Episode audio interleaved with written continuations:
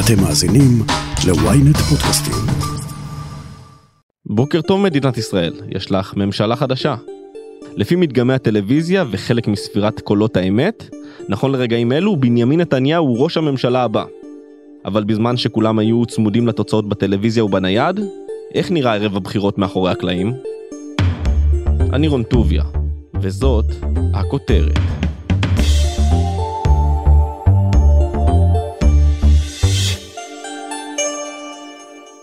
כמו שלכל שבת יש מוצא שבת, לכל מערכת בחירות יש מוצא בחירות, שמתרכזות לנקודה אחת, השעה 10 בערב, כשמדגמי הטלוויזיה מתפרסמים לראשונה.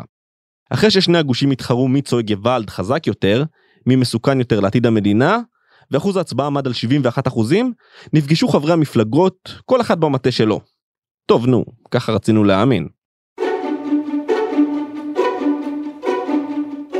את הסיפור שלנו התחלנו במטה יש עתיד בגני התערוכה בתל אביב. הגענו לשם בסביבות השעה תשע, וציפינו לפגוש אולם מלא בפעילים, אבל הופתענו לגלות בעיקר אנשי תקשורת. ביניהם הכתב המדיני של ynet וידיעות אחרונות, איתמר אייכנר. אנחנו פה, אתה רואה אה, עשרות, עשרות רבות של צוותי תקשורת מכל העולם. תכלס אין פה אף אחד, רק לפיד אולי יגיע לכאן, הח"כים של יש עתיד לא יגיעו לכאן, פעילים כנראה לא יגיעו לכאן. ההסבר שלהם אגב זה שהם יהיו בקלפיות לפקח על הספירה, לראות שאין אה, זיופים ופוילשטיק של הרגע האחרון. וזה עדיף להם על לבוא לחגוג או להתאבל, זאת אומרת, תלוי איך, מה תהיה התוצאה. אבל בסך הכל פה מדובר על אירוע לתקשורת, לא מדובר על מטה המפלגה כמו פעם, שכל הפעילים... לא יהיה פה אני אנווט, אני אקבע, אני אחליט. לא, לא, לא, לא, לא יהיה, לא יהיה, ועכשיו אנחנו גם מתבשרים שנתניהו גם לא יעשה אירוע הערב. הוא כבר למוד נאומים והצהרות, הוא גם רוצה לחכות לתוצאות אמת או משהו קצת יותר מבוסס, לכן פה אנחנו רחוקים מלדעת הערב מה יקרה, כנראה. אני זוכר שהייתי פה גם בבחירות של 2015, שבוז'י ולבני היו, ממש באולם הזה אגב, אותו אולם, ואני זוכר שהייתה דרמה והייתה תחושה שבוז'י ולבני עושים מהפך. ובסוף הם גמרו ב-24 וביבי קיבל, אני כבר לא זוכר 30 או משהו כזה. גם אז המדגמים עשו פדיחות. כן, בוודאי, המדגמים עושים תמיד פדיחות. אגב, מה זה מדגם? זה פשוט סקר עם יותר נשאלים, זה לא באמת תוצאות אמת. וגרפיקה יפה. וגרפיקה יפה ותחושה, האמת זה, כל מה שאנחנו רואים פה זה בעצם חיקוי אמריקאי. ככה האמריקאים עושים את זה, ואצלנו זה כזה צולע כזה. ולמרות החיקוי הצולע, כל המדינה המתינה לשעה 10 בערב. יחד עם אייכנר ישבה בשולחן המגישים גם חברתי לצוות הכותרת שרון קידון, שהעבירה את השידור המשולב של אולפן ynet וויינט רדיו מתוך המטה. אז אחרי שנים ארוכות של באמת של משדרי בחירות, בטלוויזיה, אנחנו עובדים כאן משולב ברדיו ודיגיטל. אני יושבת עם איתמר רייכנר, ומה שמאוד יפה, שהוא הכתב המדיני של ידיעות אחרונות, אז יש לנו איזשהו שילוב כוחות כאן, כאשר אנחנו מחלקים בינינו את זה שהוא כל הזמן מתעדכן, כמובן במטות השונים, אני אחראית על השידור. אנחנו מסתכלים הצידה, רואים את החברים שלנו מהערוצים השונים, כאן 11, 13, 12, מנסים לקושש קצת מידע מהם, הם שואלים אותנו, אנחנו יודעים משהו, אנחנו שואלים אותם. אני חושבת שהפעם זה מאוד מותח. קודם כל, בשנים האחרונות היו המון הדלפות. אנחנו ישבנו גם בשטח וקיבלנו המון הדלפות. השנה שום דבר לא דולף, יש לנו איזו מגמה שמדברים עליה, אבל אנחנו לא מקבלים מספרים, אה, ואנחנו כנראה נהיה במתח. מה גם שלמדנו בשנים הקודמות, שגם בתום המדגם צריך לחכות לתוצאות האמת, כי לפעמים המנדט הזה עושה את כל ההבדל. יהיו הפתעות? אני חושבת שיהיו הפתעות, שיש מגמה אחת שהיא נראית ברורה, אבל היא עוד יותר תועצם בתוצאות הסופיות. לא רחוק משם, על גדות הירקון, פגשנו במטה מרץ את תום, פעילה צעירה במפלגה. לאורך היומיים האחרונים, המפלגה שידרה לתומכיה שהיא נמצאת על גבול אחוז החסימה, וחייבים חייבים להציל אותה. אבל תום, היא שידרה אופטימיות. בהמשך הערב אולי הבנו שזאת נאיביות. אז אני תום, אני בת 17, אני הייתי אחראית על נוער מרץ ביום הבחירות הזה. אני מאוד מאוד אופטימית, פשוט כי זה מי שאני ואני מקווה שיהיה טוב. אה, ואני יודעת גם שאם לא יהיה טוב, אז יהיה בסדר, כי עשינו המון ואנחנו נמשיך לעשות. אנחנו כבר הוכחנו שמהאופוזיציה אנחנו יודעים לעשות אחלה דברים. כתבנו במטה אדם כותב, דווקא התרשם אחרת מהלך הרוח של המפלגה במהלך הערב. אז אה, בינתיים מאחורי הקלעים אה, במרץ, האנשים כאן, קודם כל גם הנציגים וגם נבחרי הציבור, עדיין מהססים אה, להגיע למטה ומחכים ככה לנבחרי ציבור שהיו אמורים להגיע לכאן, עדיין היועצים שלהם מעכבים אותם מלהגיע, והם כאן, לא מעט אנשים כוססים ציפורניים. בניסיון להבין האם מרץ תעבור, או שהיא תישאר פשוט מחוץ לכנסת. כאן, 30-24 זה מזכיר לי את 2015, ליאור. נכון, בדיוק. נכון? זו התוצאה. ש"ס היא הפתעה. 11. כן, כן, זה מה שדיברנו. אז גדי איזנקוט אמר עם 12 בשעה 10 המדגמים אמרו את דברם.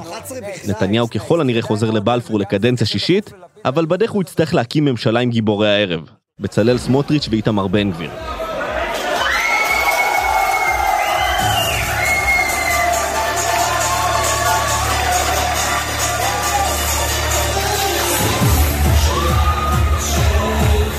במטה עוצמה יהודית במלון ורט בירושלים, נרשם פרץ שמחה שגם זקני העיר לא שמעו הרבה זמן.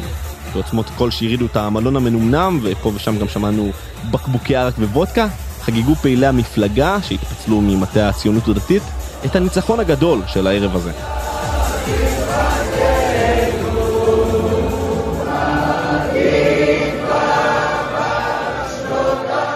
במטה הציונות הדתית בשוהם הפעילים רקדו ואפילו שרו את ההמנון, וזר שנקלע למקום היה חושב שמדובר בשתי מפלגות שונות. כתבנו אלישע בן קימון מסביר שזה לא רחוק מהמציאות, ובין כה וכה בן גביר וסמוטריץ' מתכוונים לנהל את המשא ומתן הקואליציוני מול נתניהו בנפרד. לפי מה שאנחנו יודעים כרגע, במספרים כאלה שנעים בין אה, 12 ל-15 מנדטים, ברור לכל שבן גביר וסמוטריץ' ינהלו משא ומתן בנפרד. וזה אומר סוג של כאב ראש אה, עבור נתניהו עצמו, אבל אה, אסור לשכוח בעצם שהוא היותר מנוסה, אה, ולכן אני, אני מניח שהדבר הזה יגיע לסוג של פתרון מסוים, אבל זה ייקח לא מעט זמן. לגבי האווירה וה, אה, והאירוע פה, תראה, זה מאוד מאוד שונה מכל מה שקרה בפעמים הקודמות. בכל מערכות הבחירות האחרונות לציונות הדתית היה איזשהו מבנה מאוד קטן, אני זוכר עוד בגבעת שאול שמעט פעילים אה, היו בו, ותמיד הייתה את האכזבה הזאת אחרי שרואים את המדגמים, וכאן האירוע הוא אחר לגמרי, עשרות ומאות פעילים שהגיעו לכאן, כולם מחכים למוצא פיו של אה, בן גביר, שירים, ריקודים. עוד פעם, אנחנו מדברים על שעות אה, מאוד בודדות מאז המדגם, אבל התכונה פה והאווירה פה היא באמת מרשימה מאוד. אני חושב שהחיבור, ההישג הגדול הזה, הגיע בין היתר כי אנחנו מייצגים את כולם. חילונים ודתיים. השאלה היא בעצם האם איתמר בן גביר יתמרכז אוקיי? או שהעם אה, אה, הלך ימינה. זה בעצם השאלה. עכשיו, יכול מאוד להיות ששני הדברים נכונים. יכול להיות ש, שאיתמר בן גביר, אה, אה, שכבר מכיר את הפוליטיקה, הוא, אה, את, ה, את התקשורת, הוא אשף תקשורת שני לת, לטעמי, רק, רק, רק לנתניהו בכל הדברים האלה. סימן שאלה מאוד מאוד גדול מה יהיה בעתיד, כי אנחנו ראינו שלא מעט פוליטיקאים שבאמת אה, נסקו מעלה-מעלה, ראינו את זה גם על אה, נפתלי בנט ועוד כל מיני, כשהם הגיעו באמת לעמדות המפתח הבאמת משמעותיות, הבינו שקצת קשה לממש את כל מה שהם דיברו עליו, ונראה באמת איך בן גביר יתמודד עם הדבר הזה ומה אה, הוא באמת יצליח לעשות בסופו של דבר.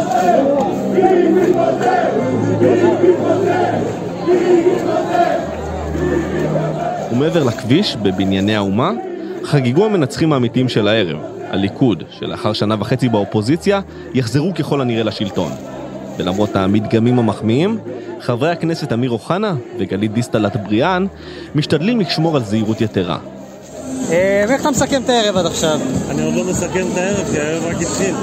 אנחנו בקרב מאוד מאוד צמוד שיוכרע על חודם אולי של אלפי קולות או אפילו מאות קולות ובאחוז החסימה זה הכל או כלום, זה 4 או 0 ואיך אתה עד עכשיו, אופטימי, פסימי?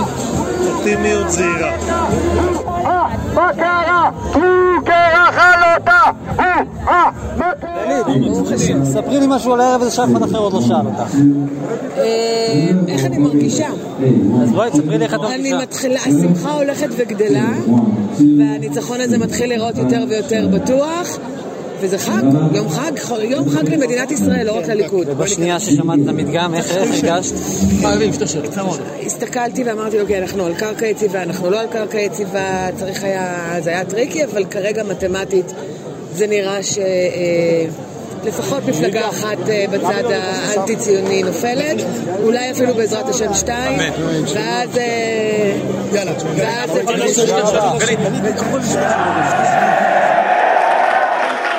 טוב! אתם יודעים מה ההישג הכי גדול של הבחירות הללו? אני אגיד לכם מה ההישג הכי גדול של הבחירות. הספרדים גאים להיות ש"סניקים! זה הניצחון הגדול ביותר! זה נקרא להחזיר עטרה ליושנה! ומי שעוד רשמו הישג מרשים ביותר הם החרדים. יהדות התורה ששמרה על כוחה עם שבעה מנדטים, וש"ס שטיפסה לעשרה מנדטים. פרשננו קובי נחשוני מסביר שהזינוק של ש"ס מגיע אחרי משבר גדול בחברה החרדית. ובאמת ש"ס בכל השנים האחרונות נשארה על תשעה מנדטים, לא הצליחה לפרוץ את המחסום הזה ולהגיע לדו ספרתי. יותר מזה, בבחירות האחרונות אפילו ירדו לה 37 אלף קולות, כלומר גם אלה שכבר הצביעו לה ב-2020 נשארו בבית או הלכו למפלגות אחרות ב-2021. כל זה הביא אותה למשבר מאוד מאוד קשה, שממנו היא מצליחה להתרומם עכשיו, אם אנחנו מסתמכים על מדגמים של כל ערוצי הטלוויזיה, וכולם ממקמים אותה על עשרה מנדטים, ללא ספק הישג אה, מרשים של אריה דרעי, של האסטרטגים שלו, ואפשר לומר שהיוקר המחיה והשתוללות המחירים ממש נפלו כפרי בשל.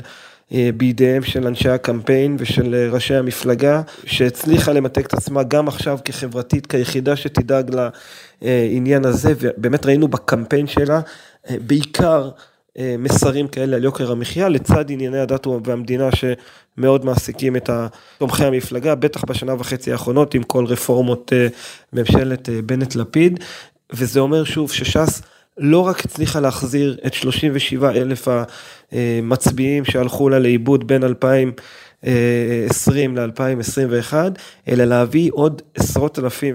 לא נתייחס אליכם באכזריות שאתם התייחסתם אלינו. אנחנו אנשים מתורבתים, לא חיות אדם כמוכם.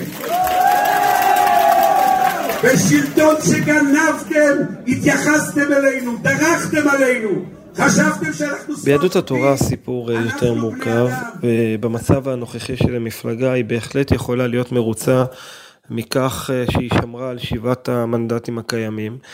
אה, תראה, בכל מערכת בחירות יש שם אכזבה על כך שלא הגיעו למנדט השמיני. חברה חרדית, הגידול הטבעי המהיר, אז רובו נמצא דווקא בצד הזה של יהדות התורה, של החסידים, של הליטאים, הם גדלים בקצב יותר מהיר מאשר הציבור הספרדי של ש"ס, ולכאורה, אם אנחנו רואים גידול מתמיד אה, במספר המנדטים, היינו צריכים לראות אותו דווקא בצד האשכנזי, ביהדות התורה.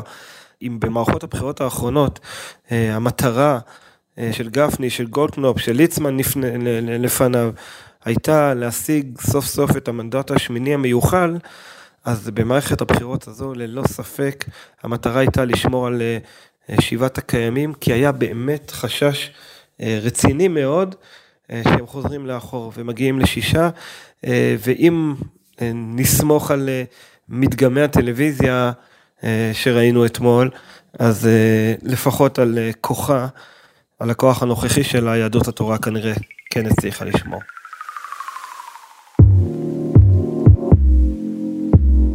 הקואליציה הנוכחית היא המפסידה הגדולה ביותר של הערב הזה, כשחמישה שרים בכירים סופגים מהלומה קשה. איך הגיבו במטות, ואיך העולם יגיב למינוי של בן גביר וסמוטריץ' לשרים בכירים. הודעה קצרה, ומיד נמשיך עם הכותרת. מי עומד בראש? ומי משתף פעולה עם מי? משטרת ישראל חושפת... סקרנים? מצוין. ynet פלוס החדש, עם הסיפורים המעניינים ביותר של מיטב הכותבים. החודש הראשון בחמישה שקלים ותשעים בלבד. ynet פלוס. האמת? מעניין. למצטרפים חדשים כפוף לתנאי השימוש. הקואליציה הנוכחית רשמה מפלה גדולה אתמול בערב. יש עתיד אמנם התחזקה בכשישה מנדטים, אבל המחנה הממלכתי נחלש במנדט. ישראל ביתנו צנחה אף היא, ועבודה מתחילות להצטער שלא התאחדו, ושרת הפנים איילת שקד, מטה המפלגה שלה, הבית היהודי, נראה כמו הקיץ של אביה. ומילה אחת לבנימין נתניהו, אם התוצאות באמת נכונות, צריך לחכות עוד איזה יום יומיים לראות, אבל אם התוצאות נכונות, אז ברכות, בהצלחה, שיזכה להקים ממשלת ימין יציבה לארבע שנים. בתחילת מערכת הבחירות התאחדו סיעות כחול לבן ותקווה חדשה לרשימת המחנה הממלכתי בראשות שר הביטחון גנץ ושר המשפטים גדעון סער. הסקרים ניבאו בהתחלה 15 מנדטים, אבל רצה הגורל ואת הערב סיימה הרשימה המאוחדת עם 11 מנדטים בלבד. שקט שרר בכפר המכבייה עם היוודע תוצאות הבחירות, ועד שגנץ עלה לנאום והפיח מעט חיים. אנחנו נשמר את הרעיון הממלכתי, נמשיך ונתגבש ונפעל לייצר מסגרת פעולה רחבה שתשרת את עם ישראל ואזרחי ישראל, את כל עם ישראל ואת כל אזרחי ישראל. שר האוצר ליברמן הגיע זחוח למערכת הבחירות כשהוא בטוח בכוחו. המדגמים פחות פרגנו לו, כשסיים את הערב עם ארבעה מנדטים בלבד. אני מאוכזב, אני חש אכזבה. אנחנו נכבד את תוצאות הבחירות. אנחנו עקבים, אנחנו מאמינים בדרך. לפעמים uh, מתקדם יותר מהר, פחות מהר, אבל אנחנו שומרים על הדרך. ואפרופו אחוז החסימה, רגע דרמטי נרשם לאחר המדגמים, כשקמיל פוקס עדכן בחדשות 13, שבל"ד נמצאת כפסע מתחת לאחוז החסימה. נתניהו אף דאג לצייץ כי הגיעו אליו דיווחים על אי סדרים בקלפיות בחברה הערבית, כשוועדת הקלפי המרכזית מבטלת את הטענות הללו. כתבנו אדם כותב מסביר למה הפעם הערבים לא נהרו לקלפיות. אז בל"ד, כמו לא מעט אה, מפלגות אה, נוספות, עשו כל דבר שרק אפשרי כדי לזעוק שהם לא הולכים לעבור את אחוז אה, החסימה. בחלק מהמדגמים הם אכן לא עברו את אחוז החסימה, ובמדגם האחרון שיצא בשעה עשר וחצי בלילה, בחלק מהמדגמים הם כן עוברים, בחלק מהמדגמים הם לא עוברים. יש חשש מאוד גדול בחברה הערבית, ואת זה שמענו גם לפני הבחירות וגם במהלך היום של הבחירות עצמם. על כך שבעצם המפלגות הערביות לא יעברו את אה, אחוז החסימה. האזרחים הערבים שאני שוחחתי איתם היום לא מחדשים שום דבר ממערכת הבחירות הרביעית, השלישית אה, או השנייה. הם דיברו על ממשלת שינוי, ובפועל מבחינת אה, חלקים מהחברה הערבית לא ראו שום דבר מממשלת השינוי הזאת, וכתוצאה מכך אנחנו באמת רואים אחוזי הצבעה מאוד נמוכים בחברה הערבית. בסופו של דבר נמצאים באיזשהו מצב שבא ואומר, לא יקרה שום דבר, לא קרה שום דבר. והמצב הזה יישאר כמו שהוא היה, ואנחנו רואים את התוצאה ואת האכזבה של הציבור הערבי, שהפעם לא הצליחו לנהור uh, לקלפיות. וגם השמאל הציוני ספג מפלה קשה בערב הזה. מרץ ומפלגת העבודה נמצאות באזור המסוכן של אחוז החסימה. ייתכן וכשאתם מאזינים לפרק ותוצאות האמת כבר מבשרות את הבשורה הלא כל כך מפתיעה הזו, שאחת מהן נשארה בחוץ. מפלגת העבודה הודיעה במהלך הערב על פיזור האירוע, לאור שהתוצאות לא כל כך ברורות, ואילו האופטימיות שנשמעה במטה מרץ בתחילת הערב, התחלפה באווירת נכאים. שיר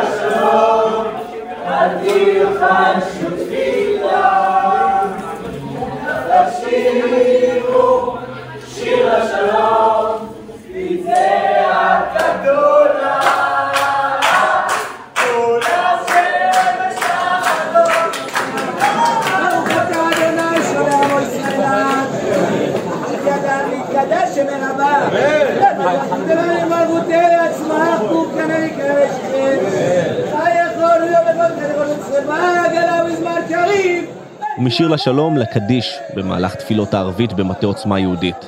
אולי מה שמסמל יותר מכל את הערב הזה.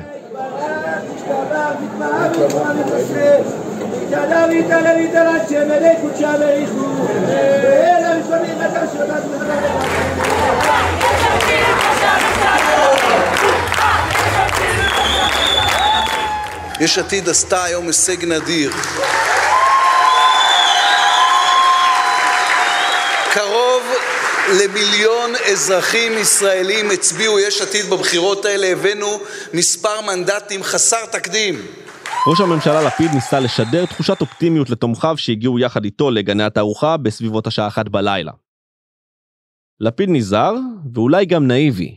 הוא אומר שזה לא נגמר עד שזה לא נגמר. הלילה הזה הולך להימשך יומיים. עד שלא תיספר המעטפה האחרונה, שום דבר לא נגמר ושום דבר לא נסגר, ואנחנו נחכה בסבלנות, גם אם אין לנו סבלנות, עד שיגיעו הנתונים הסופיים. טוב, תראה, הוא הצליח להפיח קצת רוח חיים במפלגה שהייתה כבויה, קצת מדוכדכת. לפיד אומנם דיבר כראש ממשלה, אבל זה נשמע קצת נאום של יושב ראש אופוזיציה, כי הוא כבר מכין את הקרקע לזה שכנראה הם יהיו באופוזיציה, אבל עדיין לא סוגר את האופציה לאיזה סוג של מהפך. הוא אומר, הלילה הזה יימשך יומיים, אה, מתכוון לספירת הקולות ואומר, זה ייגמר רק כשנספור את המעטפה האחרונה. זאת אומרת, הוא עוד משאיר איזה פתח אולי לזה שנתניהו לא יצליח לעשות 61, אבל האמת היא שראית על הפנים של האנשים לפני שהוא בא, כזה בחיבוקים של הפעילים, היה מין חיבוק כזה של אה, ניסינו, לא הצלחנו, וכאילו קצת אווירה גמומית כזאת, חמוצה. נראה לי שהם מתחילים להשלים שזה לא הצליח, אבל אה, אולי מחכים לאיזה נס שיבוא להם בספירת קולות. תודה רבה לכם, תודה רבה. אני מבקש לומר בשמי ובשם שרה, אנחנו באמת אוהבים אתכם, מכל הלב, מעומק הלב, מתוך הנשמה. תודה רבה לכם. אני מבקש לומר לחבריי וחברותיי, ולמרות שאנשיו הצהירו לאורך כל הלילה שלא יישא נאום ניצחון, נתניהו שהגיע לבנייני האומה בשעה שלוש לא יכול היה לשלוט בעצמו, והבטיח שיהיה ראש ממשלה של כולם, ויאחה את הקרע בעם. אני חייב להגיד לכם שיש דבר נוסף שאני מתכוון לעשות יחד איתכם. אני מתכוון לעשות את זה משום שזה מחויב המציאות וזה הדבר הנכון לעשות. אנחנו נפעל להורדת הלהבות בשיח הציבורי, לאיחוי הקרעים, לא רק להרחבת השלום עם שכנינו, להשבת השלום הפנימי בתוכנו. אז נתניהו כנראה יקבל את המנדט להקים את הממשלה ה-37 של מדינת ישראל והשישית בראשותו. אבל כנראה שהפעם, כשהאיש המרכזי בה יהיה איתמר בן גביר, זה לא יהיה כזה קל. אייכנר, איך העולם יקבל את השר בן גביר, במיוחד האמריקנים? האמריקאים מאוד מודאגים, ולא רק האמריקאים, כל הקהילה הדיפלומטית עוקבת בדאגה, לא מבינה, מקווה שזה לא נכון. אה, שגרירים מנסים לדלות אינפורמציה בימים האחרונים כאילו שאנחנו יודעים יותר מהם. מבחינתם זה טורף את הקלפים, אבל אני חייב להגיד שאני גם שומע משגרירים אה, אה, אמירה שבישראל לא צריך להתרגש כל כך ממה שהפוליטיקאים אומרים בתקשורת. ומה שקובע זה קווי היסוד של הממשלה שתקום, איזה תפקיד בן גביר יקבל. יש הבדל אם בן גביר הוא השר לביטחון פנים, או שהוא שר, ה, לא יודע מה, רווחה או תיירות, יש הבדל גדול, כי כשר לביטחון פנים ברור שהוא אחראי על הרבה דברים מאוד מאוד רגישים, אם זה הר הבית, אם זה אירועים במזרח ירושלים אה, ובמגזר הערבי, ולכן לא יקפצו למסקנות, לא נראה גינויים או משהו כזה, יקבלו אותו בסך הכל. אתה גם לא יכול להתערב בהחלטה של הממשלה איזה שרים למנות. אבל uh, הם ישפטו את זה לפי המעשים, לפי uh, קווי היסוד של הממשלה, לפי מה יגיד ראש הממשלה בהצהרת הקמת הממשלה הזאת, הממשלת, ממשלת הימין הזאת, ואז מתחיל סיפור מאוד מאוד מעניין. בו סביר להניח שאנחנו נראה עימותים עם הממשל האמריקאי, לדעתי סביב הבנייה בהתנחלויות, מצד אחד, ומצד שני סביב פגיעה בחפים מפשע. זה משהו שהקהילה האמריקאית לא תקבל, וזה יהיה מעין קו אדום. נתניהו יגיד, הקואליציה שלי שברירית, זה לא יעניין אותם, הם יגנו, מבחינתם יש תוכנית פתרון שתי המדינות, וצריך לשמור אותה בחיים. ואם יתקבלו החלטות על בנייה, וסביר להניח שיהיה לחץ אדיר מצד אה, עוצמה יהודית ומצד הציונות הדתית לבנייה מסיבית בהתנחלויות, אז נתניהו אה, יהיה פה פן הפטיש לסדן.